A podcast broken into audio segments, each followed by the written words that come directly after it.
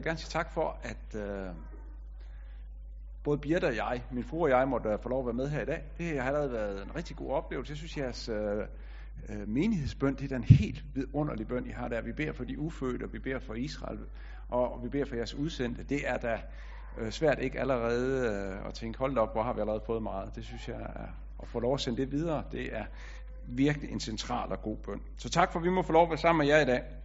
Så øh, har jeg lovet lige at sige to ord om øh, mig selv, inden øh, vi sådan går i gang med prædiken. Og øh, ja, det vigtigste har jeg allerede nævnt, det er jo, at jeg er gift med Birte. Og øh, hun er den højeste kvinde, der er herinde i lokalet. Det tror jeg roligt, jeg kan sige. Hun er 1,90 meter. Så, så på alle måder ser jeg op til hende. Så har jeg øh, tre drenge. Øh, og jeg kom lige i tanke om, mens vi kørte ned, den ældste af drengene har faktisk lige søgt øh, bo, at komme ind, flytte ind i boligforening hernede i, i Silkeborg. Han er uddannet læge, og ham og hans frue vil gerne her til Silkeborg. Altså, der må være et eller andet, der trækker her. Jeg kan ikke forstå, at de ikke gerne vil til Vestjylland. Altså, Lem, hvem vil ikke gerne bo der, ikke også? Men det er åbenbart Silkeborg, der, der, der trækker, ikke også? Ja, hvad er der ellers at sige? Så tænkte jeg, jo jo, øh, sådan åndeligt. Hvem, hvem er man sådan åndeligt? Det, det er egentlig et svært spørgsmål, tænker jeg. Men, men på den anden side set, så... Øh, jeg tror, jeg har det, måske er nogle af jer, der har det lige sådan. Jeg har det sådan, at jeg tør ikke gå i seng om aftenen, uden lige at få vide, at det er i orden, det med Gud. At mit liv er i orden, det med Jesus. Øh, men så sker der noget mærkeligt i løbet af natten. Så går jeg derfra at være en kristen, der går i seng, til at være en artist, der vågner op. Og det er jo lidt træls, faktisk.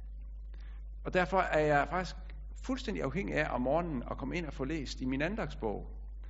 Øh, vi har, Birte og jeg har i de sidste 10 år øh, læst den samme andagsbog. Og det er Hans Erik Nissens Et er nødvendigt.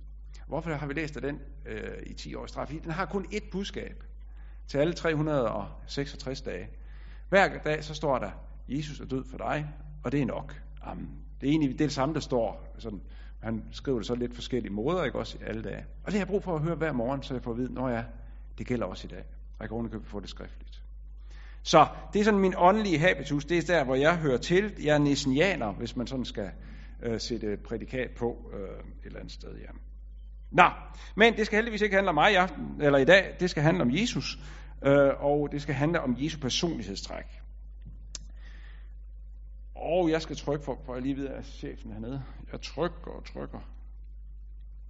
Der var den. Tak for det. Super. Godt. Øhm, Jesu personlighedstræk. Det er jo sådan, at, at øhm,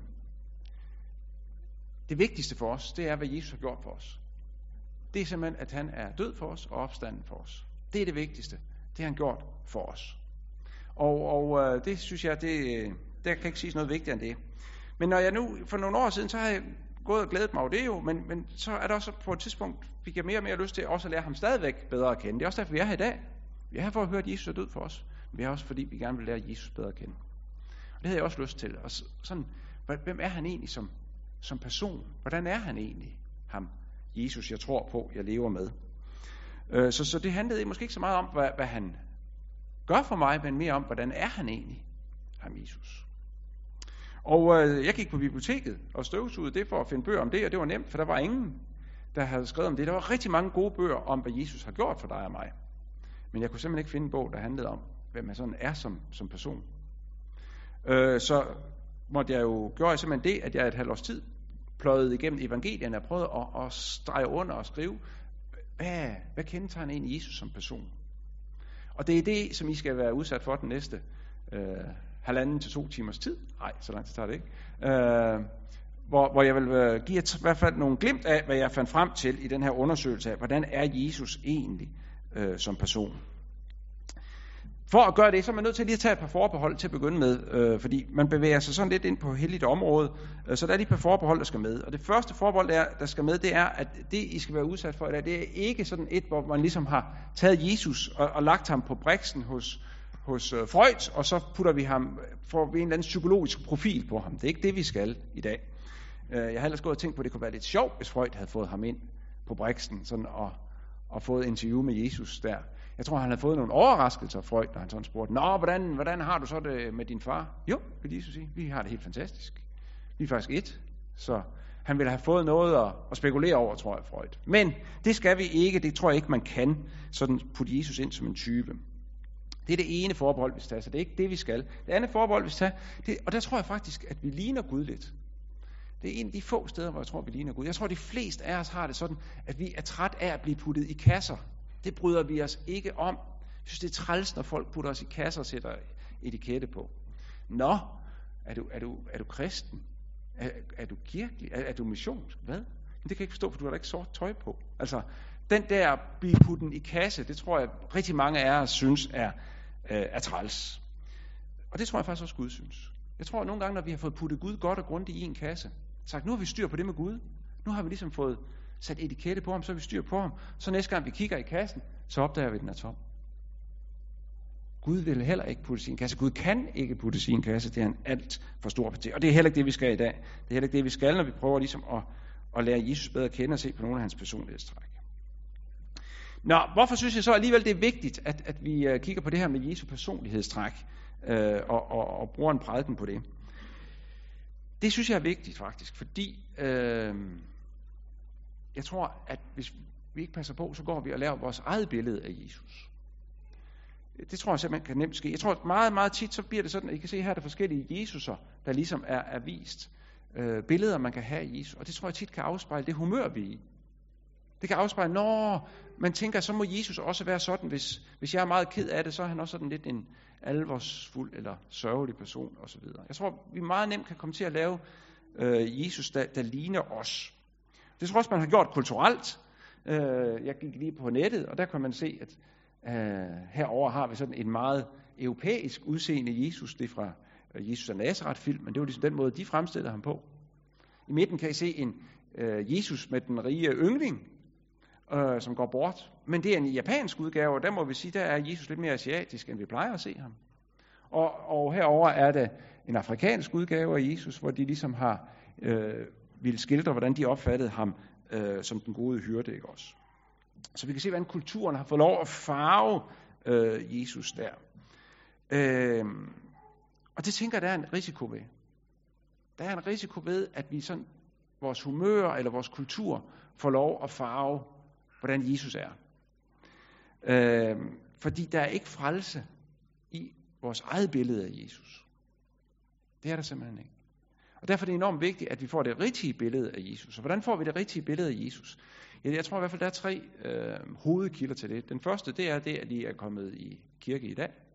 Så er det, at de kommer og hører Guds ord forkyndt. Det er en kilde til at få korrigeret det der billede, vi kan gå hver især at lave. Det andet, det er, at vi får åbnet vores Bibel og læst i den, og set, hvordan er Jesus egentlig? Og det tredje, det er, at vi øh, snakker sammen om, hvordan er Jesus egentlig? At vi får vendt det med hinanden, får korrigeret billedet af, så vi hele tiden bliver holdt fast i, det egentlige billede af Jesus, og ikke det billede, vi selv går øh, og, og hjemmestrikker. Og det har jeg tænkt, vi skulle starte med først, inden jeg sådan kører løs. Så jeg har faktisk tænkt mig, at I selv lige skal i arbejde her, for at hjælpe hinanden med at have det rigtige billede af Jesus. Og hvad er det, I skal gøre her de næste øh, par minutter? Det jeg vil bede om nu, det er, at I vælger alle sammen to ord, som I synes kendetegner Jesus. Det får jeg lige et halvt minut til at tænke over. To ord, som kendetegner Jesus. Vælg to ord. Hvis I kun må vælge to ord, hvilke to ord vil I så vælge?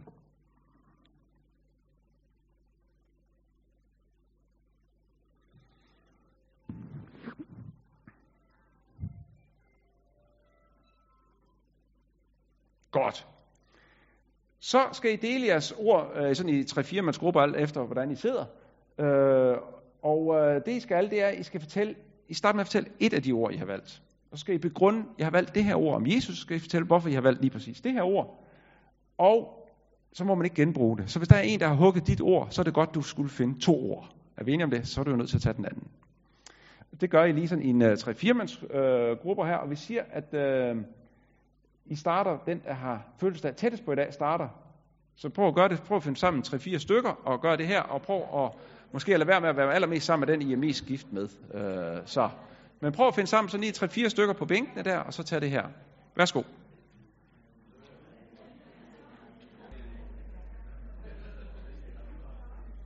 Ja, så får jeg ikke mere for den 25 øre. Og hvis der er en af jer, der bare ikke når at få sagt sit ord, så kan det jo være, at I har... Øh, ja, I må så jo gribe den her åben mikrofon, hvis det er, at øh, I bare brænder ind med det her ord. Så må I jo dele med os andre. Sådan er det. Det resten af prædiken kommer til at handle om, det er tre ord, jeg vil have valgt på baggrund af den her undersøgelse, jeg lavede øh, igennem Nye Testamentet. Hvilke tre ord var det, der, der brændte sig fast hos mig øh, på, hvad kendetegner Jesus? Øh, hvis jeg ligesom skulle samle op på det. Og vi skal starte med det her billede først. Øh, nogle gange så tror jeg godt, at vi fremstiller Jesus som, som en øh, som børnenes ven, kan vi se, og det er han, og han er ovenikøbet også fuglenes ven, kan vi se, der er sådan en lille, ovenikøbet en blå fugl, der falder ud, og, men der sker ingenting, for Jesus griber den blå fugl, ikke også? Og det er meget godt. Sådan tror jeg nogle gange, vi fremstiller øh, Jesus. Det billede kan vi have af Jesus. Og han bliver sådan lidt en blød 70'er mand. Han kan også strikke, og der er så mange ting, han, han kan, den her Jesus. Det bliver sådan dengang øh, det der ideal, man havde om, om den der mand i 70'erne. Og øh, det tror jeg også er lidt et problem, det her faktisk. Jeg tror, det er et problem, hvis vi løber rundt med det her billede af, af Jesus som den her, der altid griber ind og, og bare er der og griber den lille blå fugl. Uh, jeg tror tit, vi giver vores børn det her billede. Siger, at han skal nok være der, han skal nok høre det, han skal nok gribe ind, det skal nok gå. Uh, og jeg kan godt forstå, hvorfor vi gør det, fordi han hører det jo, det er rigtigt nok. Men det er sådan en, en discount-sandhed et eller andet sted. Og det er et problem med den her sandhed, hvis man bliver ældre og bliver ved med at holde fast i det her billede. Jeg er lærer på det kristne gymnasium i Ringkøbing, og det jeg oplever med rigtig mange af vores elever, det er, at det er enormt vigtigt. Det er rigtig fint, hvis de, hvis de har en barnetro, når de kommer hos os. Men de skal også få en voksentro. Det skal, den skal udvikle sig til en voksentro. Barnetro er fint, men det må ikke ende i en barnlig tro. Og det gør den, hvis man ligesom tænker, jamen, Jesus er det altid, han griber. For hvad så den dag, hvor jeg bliver kommet ud for et trafikuheld? Eller når jeg har oplevet massiv mobning?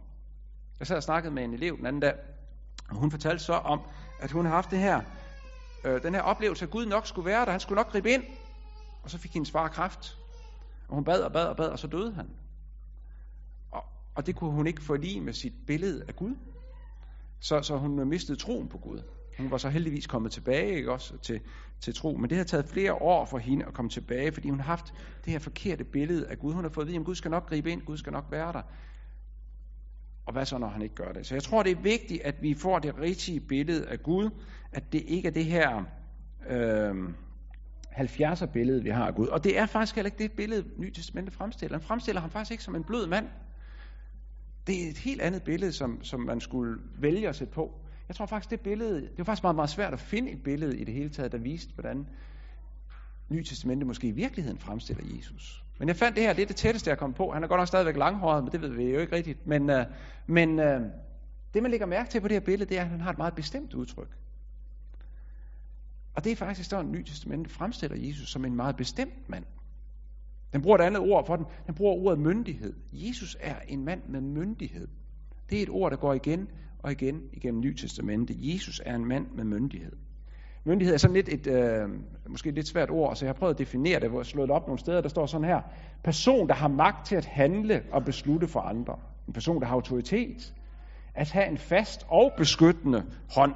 Det er sådan ligesom det, der ligger i ordet myndighed. Men det er det, der som, som øh, går igennem Nytestamentet. Jesus er en mand med myndighed. Efter Jesus han har holdt bjergprædiken, øh, så, så hvad, hvad, hvad, hvad slutter det med? Hvad bliver der sagt til sidst, efter han holdt den her øh, tre kapitler lange prædiken? Så står der sådan her, da Jesus var færdig med at tale, var skarne slået for forundring over hans lærer, for han underviste dem som en, der har myndighed, og ikke som der er skriftkloge. Så det bliver sagt direkte, og det bliver sagt flere gange. Jesus, han har myndighed. Det er det, som slår folk, når de møder ham her første gang. Og sådan er det sådan hele vejen igennem. Hvis man kigger i Markus evangeliet, så er vi ikke ret langt inde i Markus evangeliet.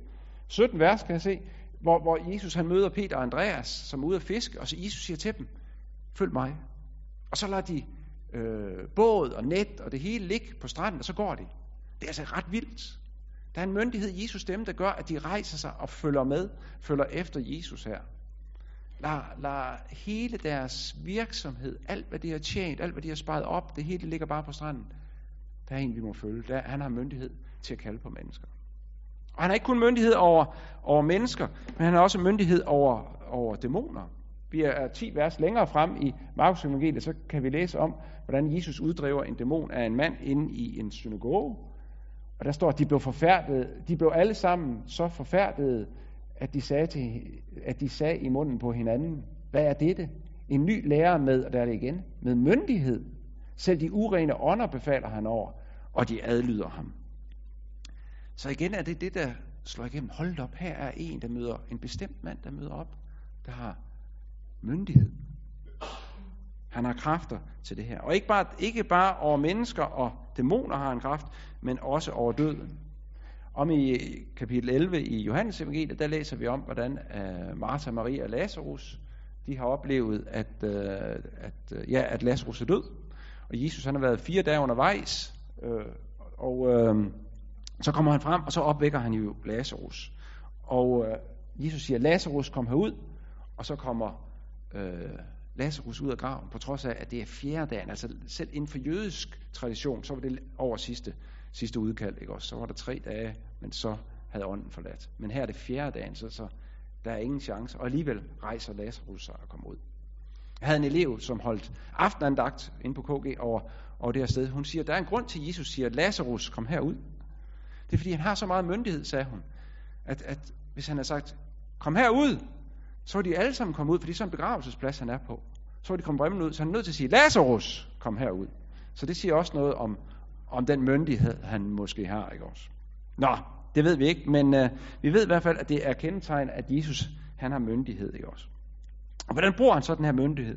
Ja, han bruger den rigtig meget til ikke at plise folk. Han forsøger ikke at blive populær. Han forsøger faktisk ikke at være rar eller bevare den gode stemning. Det er ikke den måde, han bruger sin myndighed til. Han bruger den faktisk nærmest modsat. Her er han inviteret til, til fest hos øh, farisæerne. Der er nogle farisæer, der har inviteret ind til spisning. Og hvad siger han så til sine værter her, til dem han øh, er inviteret ind til? Men indeni er I fulde af rovlyst og ondskab. Tåber, ved jer farisæer, ved jer farisæer. Og så fortsætter det. Jesus er altså meget bestemt. Der er altså meget myndighed over det. Han er ikke øh, uh, interesseret. Det er ikke sådan, det vigtigste for ham er ikke, at det, det er høfligt, og vi bevarer den gode stemning. Der er noget andet, der er vigtigere for ham her. Der er noget andet, han bruger sin myndighed til, ikke også? Jeg tror, det er meget vigtigt at sige, at Jesus han er ikke på ingen måde konfliktsøgende. øh. Det finder man faktisk ikke i, i Nyt Testamentet, men han er bestemt heller ikke konfliktsky. Han har nok sådan en tendens til at gå ind i det, der er svært. Vi ser det også i, i samtalen med, med kvinden ved brønden. Øh, de kommer ind i en god samtale, og først og fremmest er det jo en, en ret vild samtale, hvor Jesus viser sin myndighed ved, at han er ligeglad med alle de der traditionsbundne ting. Han snakker med en, med en kvinde, og han snakker ovenikøb med en kvinde, som er nok noget seksuelt løst på tråden, ikke også? Men det er han åbenbart ligeglad med. Han går ind i det, og det udvikler sig faktisk til en god snak, indtil Jesus lige pludselig siger til kvinden, du skal gå hen og kalde på din mand. Og så svarer kvinden, jamen, øh, jeg har, jeg har ingen mand. Og så siger Jesus, du har ret, når du siger, jeg har ingen mand. For du har fem mænd, og den du har nu er ikke din mand. Der sagde du noget sandt. Altså der er ligesom igen, der ryger den gode stemning, kan man sige. Han sætter fingeren på det allerømmeste punkt i hendes liv. Hun er kommet ud i, i middagsheden, fordi hun netop vil undgå øh, de andre kvinder sandsynligvis. Øh, og så sætter fe, Jesus fingeren på, på det ømme punkt i hendes liv. Hvordan går det så? Hvad gør kvinden bagefter? Løber hun skrigende bort? Ja, mere eller mindre løber hun faktisk bort. Hun lader, lader, lader krukken ligge ved, øh, ved brønden, men hun løber faktisk ind til byen og siger, jeg tror, jeg har mødt profeten. Jeg tror, jeg har mødt Messias. Som bliver simpelthen så glad. Tænk sig at blive glad af at blive afsløret. Men det er fordi Jesus, han gør noget her. Han gør det, at han, han giver ikke kvinden det, hun gerne vil have, men han giver hende det, hun har brug for. Og det tror jeg er det, der kendetegner Jesu myndighed. At han går ind i det, der er svært, med al sin myndighed, al sin barskhed, og så giver os det, vi har brug for, og ikke det, vi sådan synes, vi gerne vil have. Min søster, hun har en øh, bog derhjemme, en, en øh, bog, der hedder Tysk Humor, øh, og derfor er den ikke særlig tyk. Jeg tror cirka, den er så tyk, og den, øh, det sjoveste i den bog her, det er faktisk den her vidtighedstegning, det siger også lidt om, hvor sjov tysk humor er, kan man sige. Øh, men jeg tænkte alligevel, det ligner egentlig meget godt øh, mig og mange andre, tror jeg. At, at vi, her er noget, der er åbenlyst galt med den her mand. Ikke også? Vi kan godt se, lægen burde nok have, hans lægemyndighed burde nok gøre, at han ligesom havde fokus et andet sted, end at tjekke hans polyper. Ikke også? Men det er det, han gør. Vi kigger det forkerte sted hen, for det er nemmere at overskue måske. Øh, sådan er Jesus ikke. Jesus ligner faktisk mere øh, de her sygeplejersker, man kan møde inde på skadestuen. Hvis du kommer ind på skadestuen med, med, med din søn eller datter, som er væltet på cykel, og har fået sådan et stort sår på knæet, vi kender det godt, vi kalder det asfalteksem. Har I prøvet at have det? Det er ikke sjovt. Der sidder sten og asfalt og alt muligt i. Og så kommer man ind med det her store blødende sår på, på skadestuen, for det er for lidt, for lidt for voldsomt. Og ved, hvis de her søde, rare sygeplejersker så gør, så går de ud og henter børsten. Den hårde børste med hårde hår. Og så begynder de at børste såret. Og gør de det, fordi nu skal du lære, at du ikke skal vælte den anden gang. Nej, det gør de faktisk ikke. De gør det, fordi det er de nødt til at fjerne alt det her urenhed. Alle de her små sten, alt det her asfalt fra det her sår, før de sætter plasteret på. De kunne selvfølgelig også bare sætte plasteret på og, sige, og give dig en slikpind og så sige, okay, det var synd for dig. Og så går der betændelse i det. Så går det rigtig galt. Nej, der skal børste til. Fjerne det her skidt, for at det kan blive helbredt, for at det kan blive godt. For det er det, du i virkeligheden trænger. Ja, det er altså det første ord, hvis jeg sådan skal øh, sætte det på Jesus, så tænker jeg faktisk, at han er en, han, første personlige træk, det er faktisk, at han var en mand, når man mødte ham, så tænker man, det er en mand med myndighed. Ja, og for at I ikke skal falde helt i søvn, så tager vi lige en sang, som handler om det.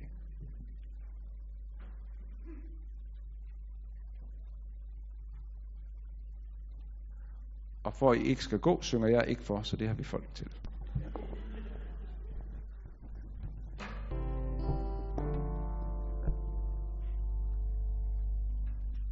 Tak for det. Ja, det næste, vi skal have fat på, det er, hvad er det, der sådan er dagsorden? Hvad er det styrende princip for den måde, Jesus han, øh, han øh, vælger sine tanker på, sine handlinger på, sine ord på? Og der tror jeg, det er enormt vigtigt at forstå, øh, at Jesus ikke bare har kærlighed som følelse, men har kærlighed som princip. Og der tror jeg faktisk, han adskiller sig enormt meget fra alle os. Han har simpelthen kærlighed som princip. Og øh, kan man forstå det, så får man svar på rigtig mange af de spørgsmål, man har i sin bibel, som man ellers ikke øh, synes giver mening. Hvorfor handler Gud sådan? Hvorfor handler Gud sådan? Hvorfor handler Gud sådan? Svaret er faktisk, at det er fordi, han har kærlighed som princip. Det kan løse rigtig mange mysterier i Bibelen. Hvorfor skabte Gud menneskene? Hvorfor?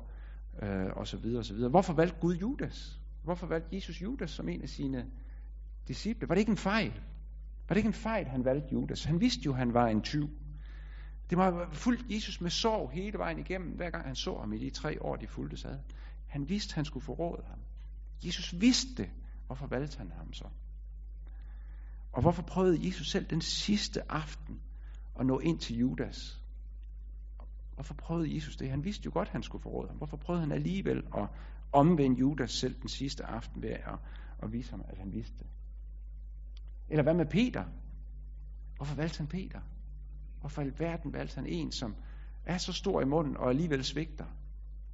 Hvorfor valgte Jesus Peter? Jesus vidste, at Peter ville svigte. Eller endnu værre, hvorfor valgte Jesus Erik? Han har der om nogen svigtet rigtig mange gange. Hold da op, hvorfor i verden valgte han Erik? Eller, det skulle gerne ligne et spejl. Hvorfor valgte han dig? Kinko siger et sted om menneskene, han siger, menneskene er ådsel ætte ormesække. Jo længere du graver ned, jo mere ulækkert bliver det. Hvorfor alverden vælger Jesus sådan nogen som dig og mig? Judas Peter. Hvorfor, hvorfor er det, han gør det? Jeg tror faktisk, at vi har rigtig svært ved at forstå det. Og det er fordi, at vi er styret af et andet princip.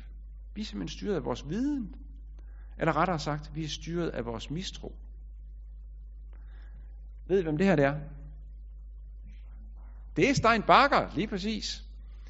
Han øh, blev jo frigivet efter at have lavet det her million, milliardsvindel i 2014.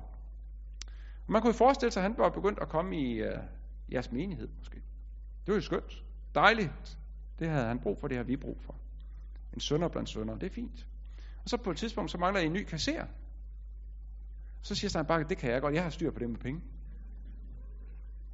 Hvordan vil I have det med det? Ja. Yeah. Det kan godt være, at vi tænker, kan vi have en ekstra i koret i stedet for? Ikke også? Vi er ikke styret af, vi, vi er faktisk styret af vores mistro. Han har faktisk taget sin straf. Men jeg tror, vi er styret lidt af vores mistro. Eller hvis vores øh, søn kommer hjem og siger, far, vi har fået en ny fodboldtræner. Han er virkelig sej. Han er virkelig sej, og så er han enormt lojal over for sin familie og alle mulige. Og han har rigtig god tid til at træne os, fordi han har været arbejdsløs altid. Så han har bare god tid. Ah, tænker vi, det er måske ikke det bedste, hvis det er sådan, at, at han ikke... Øh, og så videre. Hvad, hvad, jamen, vi har også fået en hjælpetræner, og han er rigtig kendt. Han er virkelig dygtig til det med fodbold. Ja, yeah. det kan godt være, at vi tænker, kunne du ikke tænke dig at spille håndbold i stedet for? Hvordan kan det være? Det er fordi vi ikke er, ja, fordi vi er styret af vores viden om folk. Vi er styret af, hvad vi ved. Vi er styret af den mistro, vi har til hinanden. Det, der er det mærkelige ved Jesu princip, det er, at det ikke er det, der styrer ham.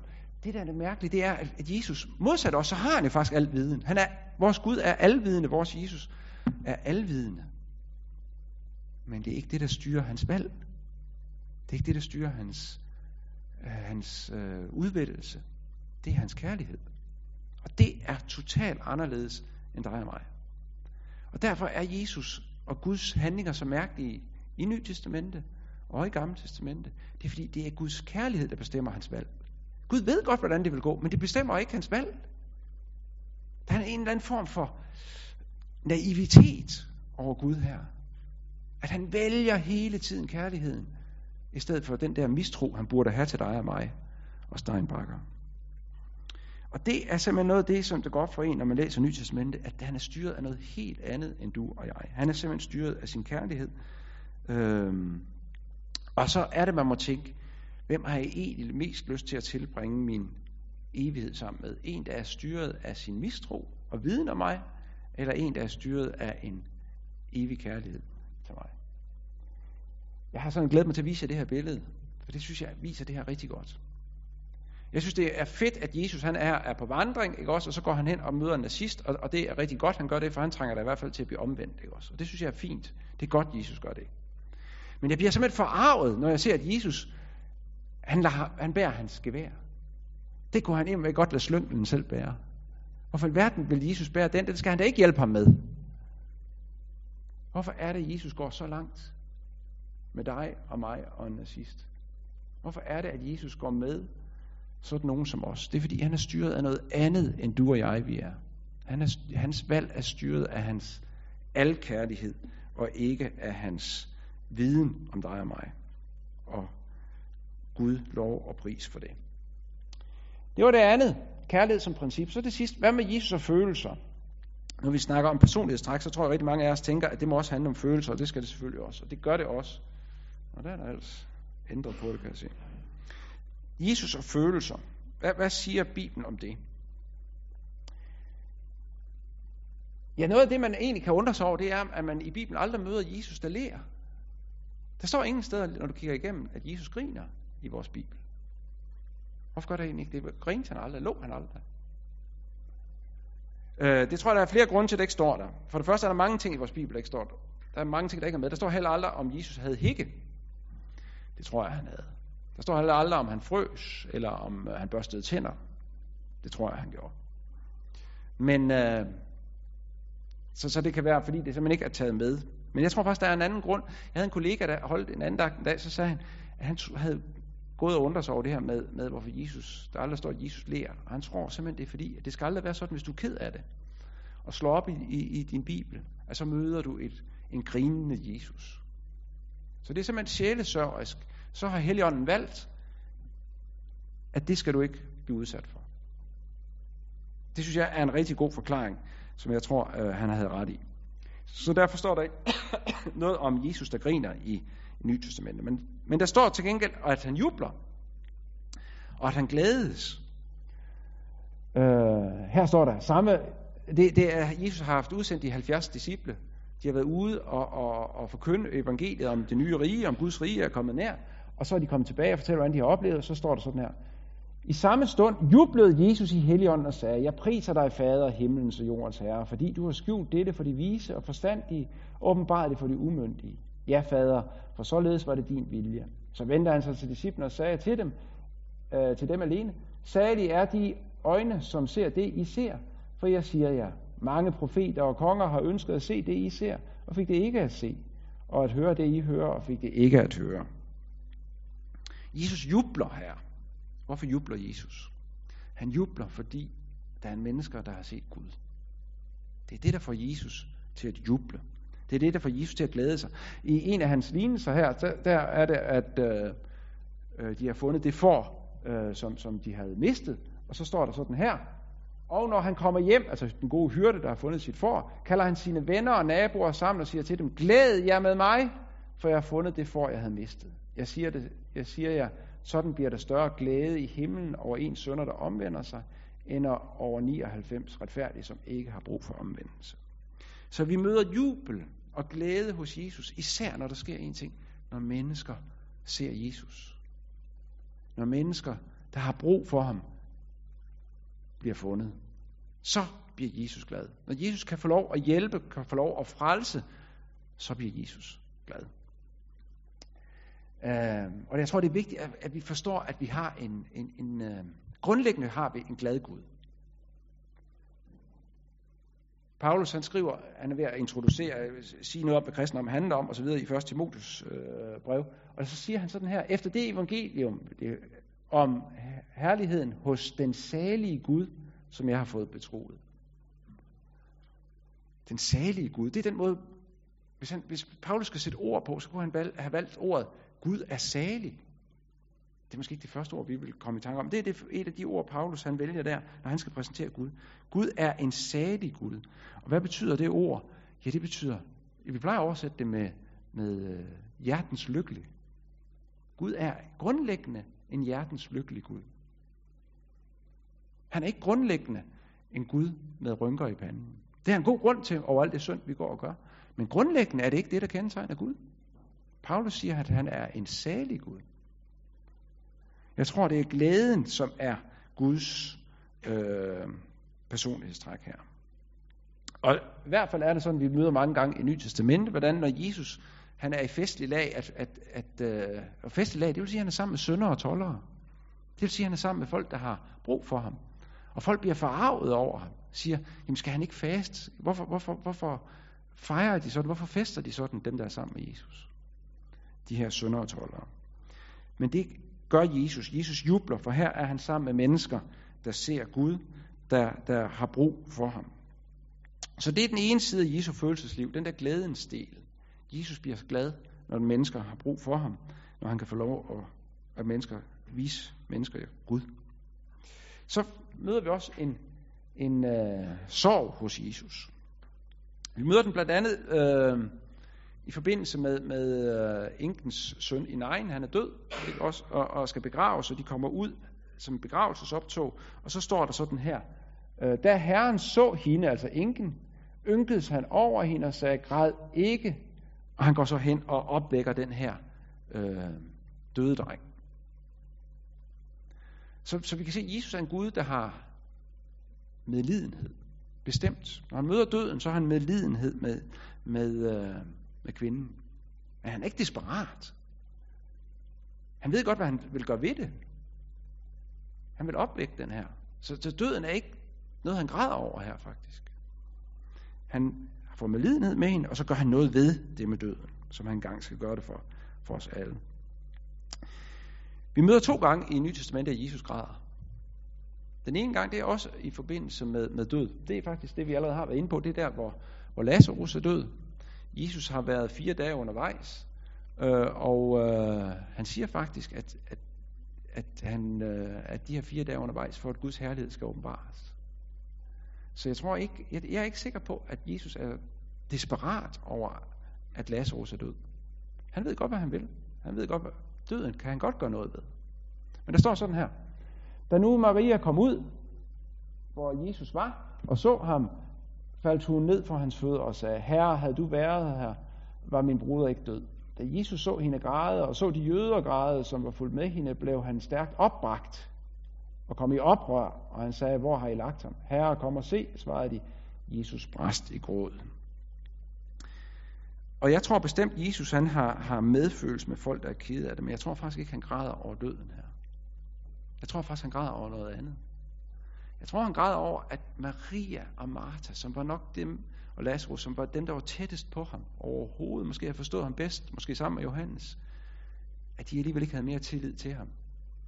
At nu kunne du ikke gøre noget, Jesus. Hvis du bare havde været her, så kunne du gøre noget. Jeg tror faktisk, det er vantroen, Jesus græder over. Det er det, der går lige ind hos ham. For døden ved han faktisk godt, hvad han skal gøre ved. Men vantroen. Og grunden til, at jeg tror det, det er, fordi den anden gang, at, at Jesus græder i vores Bibel, det er, da han kommer ind i øh, Palmesøndag, kommer ind i øh, Jerusalem. Øh, og der er det, at han græder over vantroen, at Jerusalem ikke vil omvende sig. Igen, her er der noget, hvor Gud rammer muren hvor, hvor han oplever vantroen. Her er der noget, der er værd at græde over for Gud. Og det får ham til at græde, at han møder den her vantro. Så jeg tror, at Jesu følelsesliv, hvis man sådan skal tage modpolerne, så er det sådan, at han glædes først og fremmest over mennesker, der har brug for ham. Så er du en af dem, der sidder herinde og har brug for ham, så glædes han over dig. Han glædes over, når mennesker ser Gud. Kigger efter Gud. Så glædes han. Og han græder over de mennesker, som er vantro, som siger, jamen Jesus han er fin nok, men jeg kan egentlig godt klare mig uden. Der græder, græder Jesus. Det er hans følelsesliv. Ja, det var de tre ord, jeg ville vælge.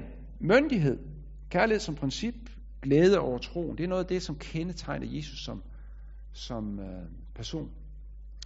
Og øh, nu skal vi have en sidste øvelse her til sidst.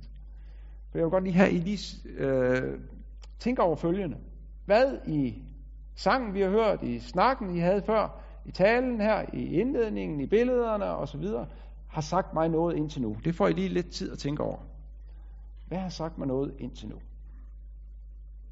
Ja, og så er det, det er frivilligt det her, for det kan være personligt, det der er blevet sagt, øh, Helion har sagt til en. Øh, men øh, ellers så del det lige med hinanden, igen i firmandsgrupper. I får lige øh, to minutter til det. Værsgo, hvad har sagt mig noget indtil nu?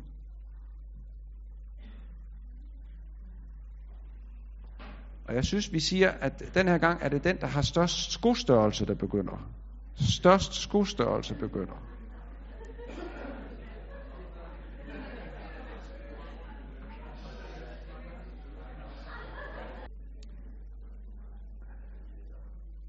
Godt. Stadigvæk har vi jo den her mulighed med den åbne mikrofon, bare man ikke rører ved den. Ja. Øhm. Til aller, aller sidst her.